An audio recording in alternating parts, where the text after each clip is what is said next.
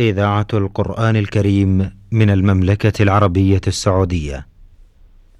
دروس في العقيدة الإسلامية. برنامج من إعداد فضيلة الدكتور صالح بن عبد الرحمن الأطرم. تقديم فهد بن عبد العزيز السنيدي. بسم الله الرحمن الرحيم الحمد لله رب العالمين والصلاة والسلام على أشرف الأنبياء والمرسلين نبينا محمد وعلى آله وصحبه أجمعين إخوتنا المستمعين والكرام السلام عليكم ورحمة الله وبركاته. وأسعد الله أوقاتكم بكل خير. وأهلا ومرحبا بكم إلى حلقة جديدة تجمعنا مع فضيلة الدكتور صالح بن عبد الرحمن الأطرم في برنامجكم دروس في العقيدة الإسلامية. نبتدئ هذه الحلقة بترحيب بالغ بفضيلة الشيخ فأهلا ومرحبا بكم شيخ صالح. حياكم الله ووفق الله الجميع لما يحبه ويرضاه. حياكم الله. استمرارا للحديث عن الأصل الثالث من أصول الدين التي ذكرها شيخ الإسلام محمد بن عبد الوهاب رحمه الله لا زلنا نتحدث عن معرفة النبي صلى الله عليه وآله وسلم سرنا معه صلوات ربي وسلامه عليه في الحلقات الماضية وتعرفنا على رسالته ودعوته وعلى أمور مهمة ينبغي على المسلم أن يدركها في حياته الطاهرة صلى الله عليه وسلم. أود في هذه الحلقة أن أتحدث مع فضيلتكم حول موضوع حكم اعتقاد عمومية رسالة صلى الله عليه وسلم والاستدلال على ذلك من الكتاب والسنة بارك الله فيكم. بسم الله الرحمن الرحيم الحمد لله رب العالمين وصلى الله وسلم على نبينا محمد وعلى آله وصحبه أجمعين. مما لا شك فيه أن رسالة محمد عليه الصلاة والسلام جاءت عامة للثقلين للجن والإنس. وأن ذا وأن اعتقاد هذه العمومية لرسالة الرسول محمد عليه الصلاة والسلام واجبة ومتحتمة بنص القرآن والسنة. فمن القرآن قوله تعالى وما أرسلناك إلا كافة للناس بشيرا ونذيرا. كافة للناس. بشيرا ونذيرا. وقوله تعالى قل يا أيها الناس إني رسول الله إليكم جميعا. فأي عموم أظهر من من من عموم هاتين الآيتين؟ وما أرسلناك إلا كافة للناس. بشيرا ونذيرا. بشيرا بالخير نعم. بشيرا بالسعادة في الدنيا والآخرة بشيرا في الجنة لمن قبل ما جئت به من الدعوة إلى توحيد الله وإلى عبادته وحده وعلى نبذ الشرك به ومعاداة من أشرك به. فأنت بشيرا لهؤلاء. ونذيرا لمن خالف هذا الاعتقاد برسالة محمد عليه الصلاة والسلام فلم يتقبلها ولم يعتقد ما جاء به من توحيد. نعم. فذهب يتخبط في جهله وضلاله. فتارة يدعو الأصنام وتارة الأوثان وتارة يستغيث بالأموات. الذين صاروا رميما أي إذا كنا عظاما ورفاتا إنا لمبعوثون خلقا جديدا. وتارة يستغيثون بالأحجار والأشجار. فهو نذير عليه الصلاة والسلام. نعم. لهم. اللهم صل عن سوء عن عن عن سوء عاقبة هذا الأمر. وهو الشرك بالله ومعصيته. كما قال تعالى وأنذرهم يوم الحسرة. إذ قضي الأمر وهم في غفلة وهم لا يؤمنون. فأنذر هؤلاء الذين لم يوحدوا الله والذي والذين أشركوا به والذين لم يتبعوك. أنذرهم هذا الموقف وأنذرهم يوم الحسرة. إذ قضي الأمر وهم في غفلة وهم لا يؤمنون.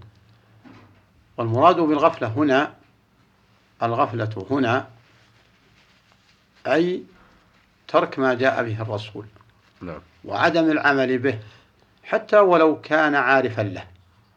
ما دام لم يعمل فإنه يعتبر غافلا لأن عمله لأن عمله عمل الغافل. لأن عمله عمل الغافل. نعم ومما يدل على عموم رسالة عليه الصلاة والسلام. قوله تعالى يا معشر الجن والإنس ألم يأتكم رسل منكم يقصون عليكم آياتي وينذرونكم لقاء يومكم هذا؟ قالوا شهدنا على أنفسنا أن تقولوا يوم القيامة إنا كنا عن هذا غافلين. فقوله تعالى يا معشر الجن والإنس دل على عموم رسالة الرسول عليه الصلاة والسلام اللهم صل وسلم. لأنه ختم نعم. به الرسل السابقين. الله الرسل السابقين من نوح إلى محمد عليه الصلاة والسلام. الله فعمت رسالته الجن والإنس. نعم. وقد أنزل الله سبحانه وتعالى سورة كاملة في الجن. نعم. وهي قوله تعالى قل أوحي إلي أنه استمع نفر من الجن. فقالوا إنا سمعنا قرآنا عجبا يهدي إلى الرشد فآمنا به. ولن نشرك بربنا أحدا. نعم. ومن السنة قوله صلى الله عليه وسلم أعطيت خمسا لم يعطهن أحد قبلي. وذكر منها بعثته وعموم رسالته لجميع الناس. لجميع الناس. نعم. وأما الرسل من قبله كان كل رسول يبعث في قومه. كل رسول يبعث إلى قومه خاصة. نعم. ويقول عليه الصلاة والسلام وبعثت إلى الناس. نعم. كافة. وفي بعض الألفاظ عامة. هذه من جملة الخمس اللي أعطيها الرسول عليه الصلاة والسلام. فاعتقاد عموم هذه الرسالة حق وواجب ومتحتم ومن شك فيها نعم.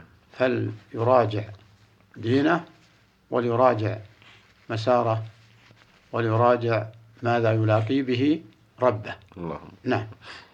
لعلنا أيضا نشير إلى أن عمر رضي الله تعالى عنه كان يحمل نسخة من التوراة في عهد النبي صلى الله عليه وسلم.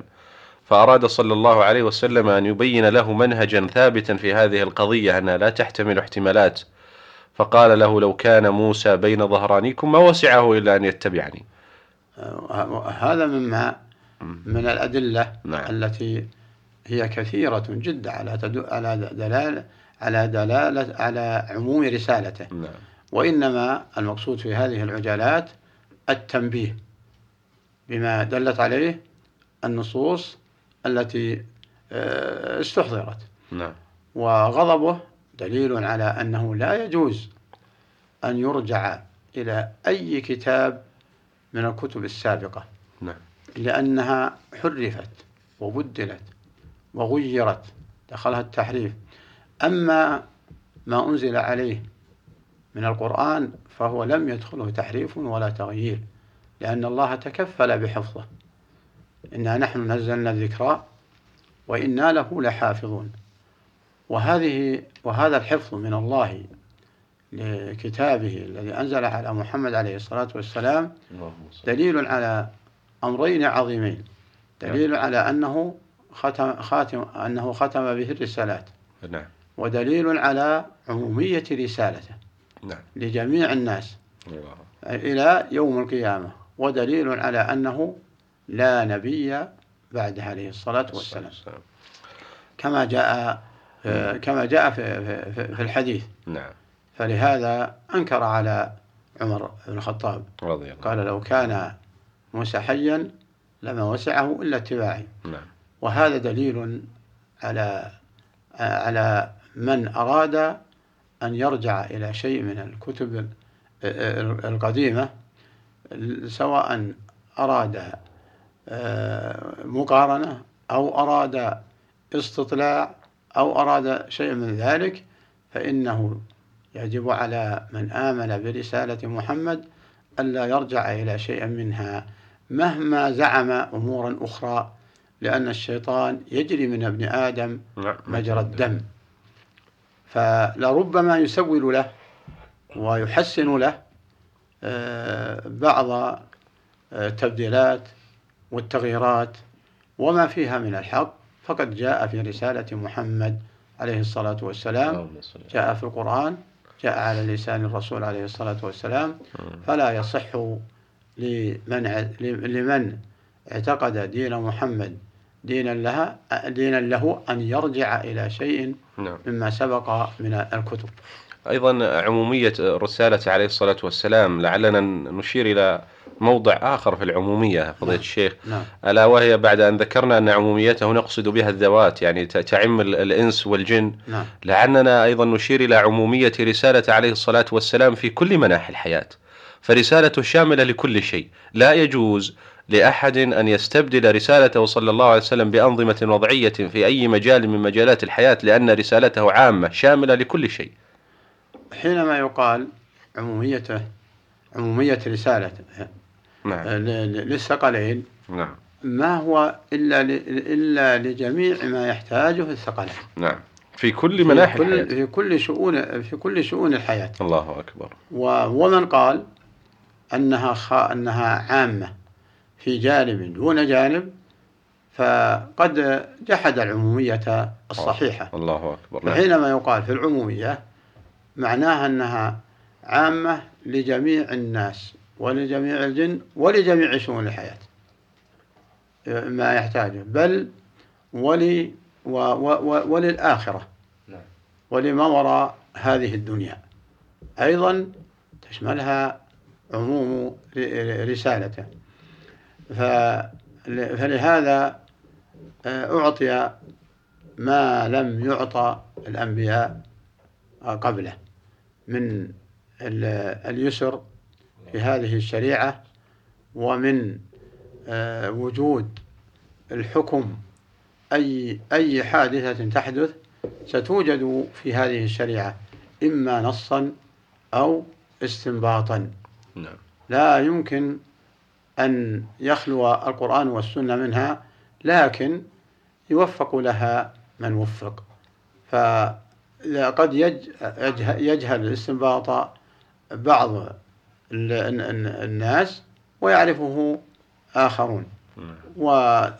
وكما يقال ال- الواقع أو التجربة أصدق برهان نعم. فما من حادثة حدثت منذ بعث عليه الصلاة عليه الصلاة والسلام وأكمل الله به الدين كما آه، سيشار إليه إن شاء الله إلى حال التاريخ إلا وجد لها حل إما نص من القرآن والسنة وإما على آه، ضوء نص أو على ضوء قاعدة شرعية. نعم. فما أعظمها آه، من شريعة. الله أكبر.